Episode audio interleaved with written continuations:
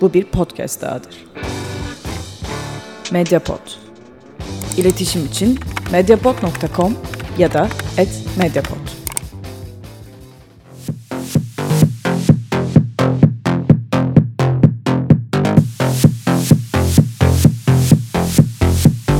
Şarkımıza hazır mıyız?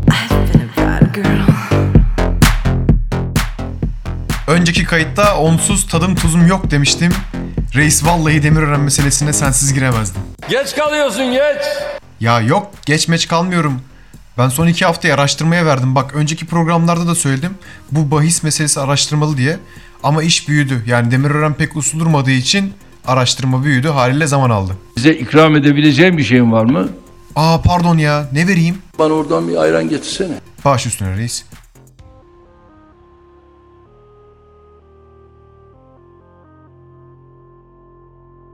Tekrar tekrar Boş Adam işine hoş geldiniz. Tipster Yıldırım Demirören özel bölümüyle karşınızdayız. Hikaye klasik.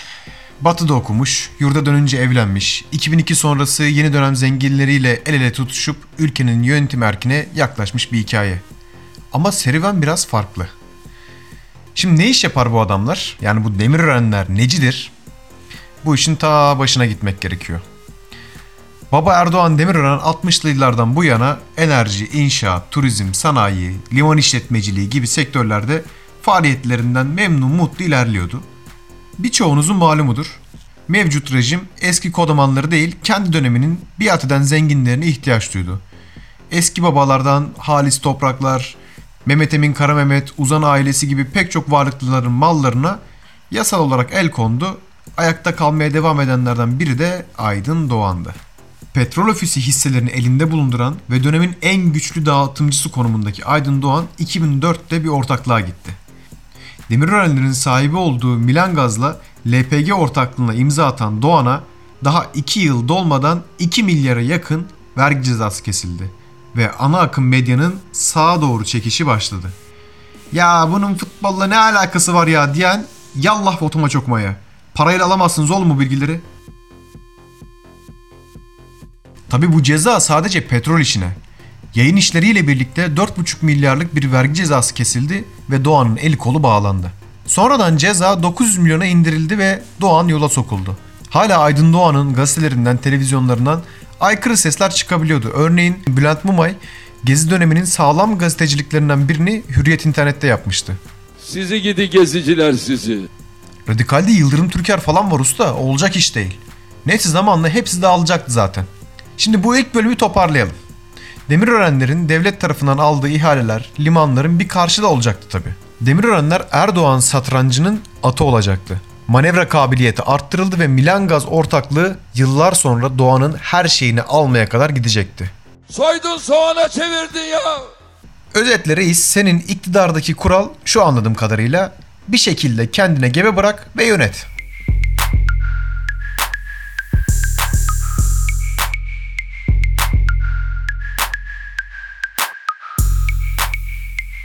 Doğan'dan ilk milliyet alındı. Bu satın alma sonrası Demirörenlerle Erdoğan arasını açan bir ufak olay yaşandı. Dolmabahçe görüşmeleri döneminde Milliyet gazetesinde İmralı tutanakları yayınlandı. 17-25 Aralık kayıtlarında geçen konuşmalarda reis baba Erdoğan'ı ağlatana kadar azarladı. Tutanaklar sızmıştı ve sızıntı Demirören'in gazetesine ulaşmış, yayınlanmıştı. Hemen yayın yönetmeni Derya Sazak görevden alınacaktı. Daha ilginci şu, bu haber çıkmadan baba Demirören'in konudan haberi vardı. Ya reis sen sormadın mı bu adama? Ya senin gazetende olan bitenden haberin yok mu diye. Ben diyor o esnada tuvaletteydim.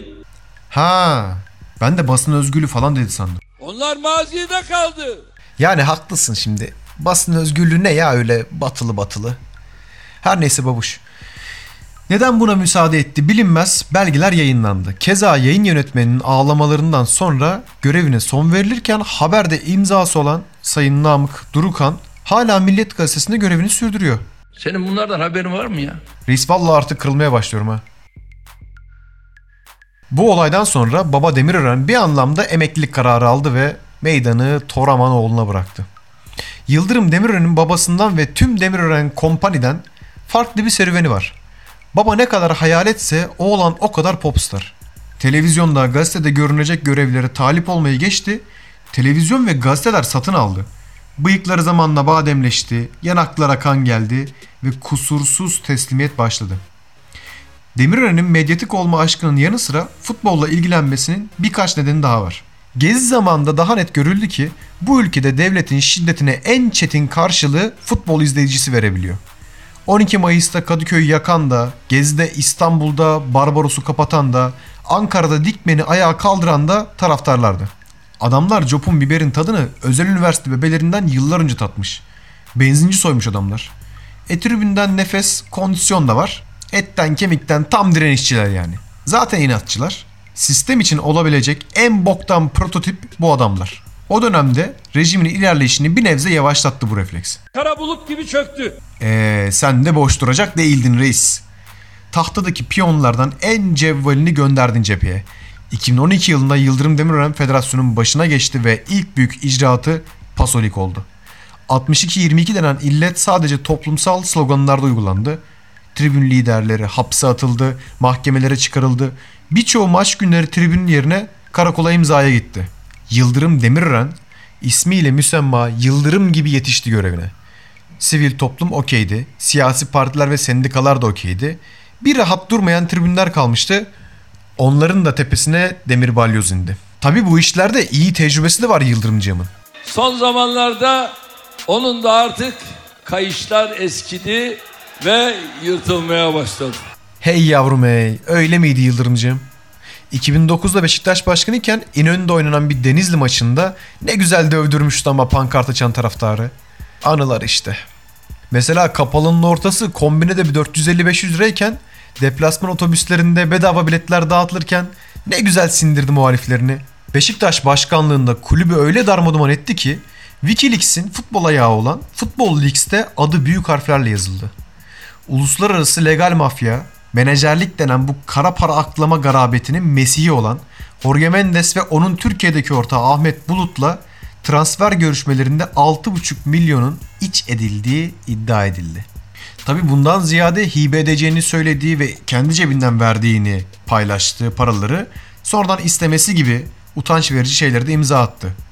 Beşiktaş'ı ekonomik olarak öyle bir paramparça edişi vardı ki Beşiktaş 2 sene boyunca kendine gelemedi. Feda kampanyasını başlatmak zorunda kaldı. Halefi Fikret Orman Demirören kadar olmasa da iktidarla arasını bozmamak için elinden geleni yaptı. Beşiktaş o kadar çekti ki bu saç ayağından yani devlet, Demirören, Fikret Orman üçlüsünden tribünden de eser kalmadı kulübün genlerinden de. Karma karışık bir halde ilerliyorlar. Örneğin 62-22 sayılı sporda şiddet yasası en çok uygulanması gereken yerde uygulanmadı. Olimpiyat stadında oynanan Galatasaray derbisinde 1453 Kartalları diye bir saçmalık sahada olaylar çıkardı. Beşiktaş'a büyük cezalar kesildi. Beşiktaş'ta ne böyle bir grup var ne de kimse bunlardan haberdar. Üstüne üstlük devlet bu grubun peşine de düşmedi. Bu adamlar çıkıp sıçtılar. Sorumlusu Beşiktaş oldu. Böyle verilebilecek ve Beşiktaş'ı hizaya getirmek için yapılan bir sürü örnek var. Ve maalesef Orman Demirören el ele bu duruşun içine sıçıldı. Galatasaray'da zaten tribünde Sedat Pekerci bir lider var. Oradan da bir şey gelmez. Kaldı Fener. Şimdi işler tatlılaşacak. Anlatayım mı size Ali Koç Demirören savaşını kekeler? Anlat değil mi? Bedavadan güzel oluyor. Seçilcim arkadaşlara kumbarayı gösterir misin canım? Medyapod'un podcastlerine Spotify, Google Podcast, iTunes ve Spreaker üzerinden ulaşabilirsiniz. Medyapod'u desteklemek için patreon.com slash medyapod. Evet şimdi tabii yola çıkıyorum. Bundan sonra herhalde biraz daha ortalık çalkalanabilir yani. Evet, yola çıkalım. Evvela şunu bir söyleyelim. Yıldırım Demirören'den reisçisi azdır. Reis meydanlardan şunu demiştin hatırlıyor musun? Evet hazır mıyız? Buna ne karşılık geldiğini hatırlıyor musun? Sayın Cumhurbaşkanım, daha güçlü bir Türkiye için 17 Nisan sabahı evet diyen bir Türkiye'li uyanmak dileğiyle saygılarımı sunuyorum. Teşekkür ederim. Ah badem bıyık ah. Şimdi gelelim bugünkü meseleye. Bu savaş T 2012'ye dayanıyor. Reis Fener'de bir türlü sözünü dinletemedi. Bir olmadı o iş yani önce Aziz Yıldırım'a karşı Mehmet Ali Aydınlar'la bir operasyon çekti, tutmadı. Sonra tribünlere bir operasyon çekti, Bu birazcık tuttu. Ama tam randımanlı bir biat kültürünü bir türlü yakalayamadı.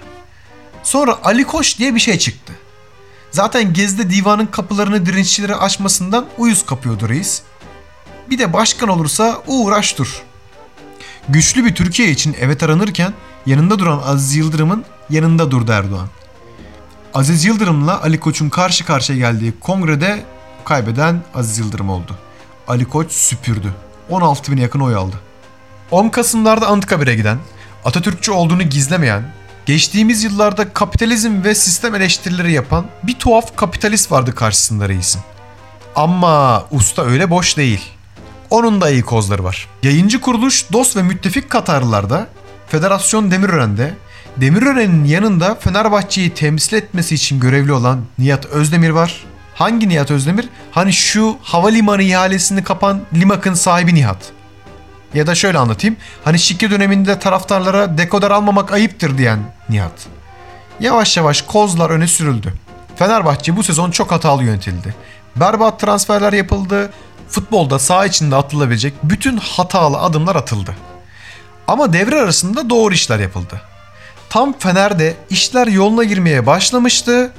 Önce Turkuaz Medya saldırdı. Hakemler akıl almaz hatalara başladı. Peşinden yayıncı kuruluş görüntüleri eksik çıkarmaya başladı. Fenerbahçe'de Ali Koç efendi gömleğinin ilk düğmesini çözdü. Başkan Ali Koç çıktı böyle böyle dedi. Dedi operasyon çekiyorlar. Nihat'la konuştum. Nihat dedi ki beni federasyonda sorun yok Ali Koç yönetemiyor demek zorunda bıraktılar. Ve Ali Koç ekledi. Nihat Özdemir'e bu baskıyı yapanların isimlerini paylaşırsam ortalık karışır dedi. Bu şu anlama geliyor. Bu emir Demirören'den çok daha yüksek bir yerden geliyor. Çok başka bir ihale var. Mesela nereden geliyor? Çok konuşuyorsun. Ha deşmeyeyim yani. Okey. Şakası bir yana açık bir şekilde devlet, iktidar her kimse Ali Koç'u orada görmek istemiyor. Yani dert Fenerbahçe ile değil. Fenerbahçe bu maçın yapıldığı saha sadece. Devletle koçlar arasında dengeli bir savaş var. Kılıçlar öyle kolay kolay birbirine sallanmıyor. Çünkü ortada ekonomik dengeler var ve ikisinin de elleri çok kuvvetli. Ama ortadaki savaş artık gittikçe alenileşiyor. Detaylarını kimse bilemez ama bence Ali Koç ailesini 90 yıldır bu ülkeyi yöneten bizdik artık koltukta bizde olmalı diyerek ikna etti. Ve paralizasyonun en kolay olduğu yer olan futbolu hedef seçti. Yoksa milyar dolarlık filler bir top için bu kadar tepişmez. Ya da bilmediğimiz başka bir şey var ama iktidarın Ali Koç'u istemediği ve Demirören'e talimatın gittiği belli. Peki bu işler bedavaya mı bu işler? Bu kadar mesele dönüyor. Neden merkezde hep aynı adam var? Federasyon başkanı aynı zamanda nasıl bahis işine girebiliyor? Anlatayım anam babam. 2018 itibariyle yasal oynanan bahisin hacmi 12 milyar lira. İllegal bahisin hacmi 40 milyar lira. İllegale oynadığı iddia edilen kişi sayısı ise 5 milyon kişi. Yani ortadaki pastayı bir düşünün. Ama daha ilginci şurası. Bundan 6 ay önce bahis ihalesi açıldı. Ve sadece Turkcell ortaklığındaki Inteltek firması girdi bu ihaleye. Tek girdikleri için de kazandılar. Ayrıca Inteltek firması daha önceki iddianın kuruluşunda yapılan ihaleyi de kazanan firmaydı. Yani tecrübelilerdi. Son ihaleye de girdiler ve kazandılar. Sonra rekabet olmadığı gerekçesiyle ihale iptal edildi. Bu kez ihaleye Demirören girdirildi. Demirören ihalede öyle bir kar marjı sundu ki yanına kimse yaklaşamazdı. Neredeyse karsız olarak yıllık 10 milyar lirayı teminat göstererek ihaleyi kazandı. Daha ilginç boyutlar var. İllegal denen yabancı bahis şirketleri Türkiye pazarına vergilerini vererek girmek istiyor. Ama ne ihale şartnamesine ulaşım imkanları var ne de %30'luk vergiyle başa çıkmaları mümkün. Malta'da çalışan bir şirket çalışanının verdiği bilgilerse daha ilginç. Bu çalışanın söylediklerine göre yıllık piyasa hacmi hiç de bahsedildiği gibi değil. Çok daha fazlası. 100 milyar lira. Hiçbir yabancı şirket bu ihaleye giremez. Çünkü hem vergiler hem de ödemeler o kadar yüksek ki oranlar düşük kalıyor. Ve ihaleyi alan firma olabildiğince az riske girmek için bahisleri daraltıp kombine zorunluluğu getiriyor.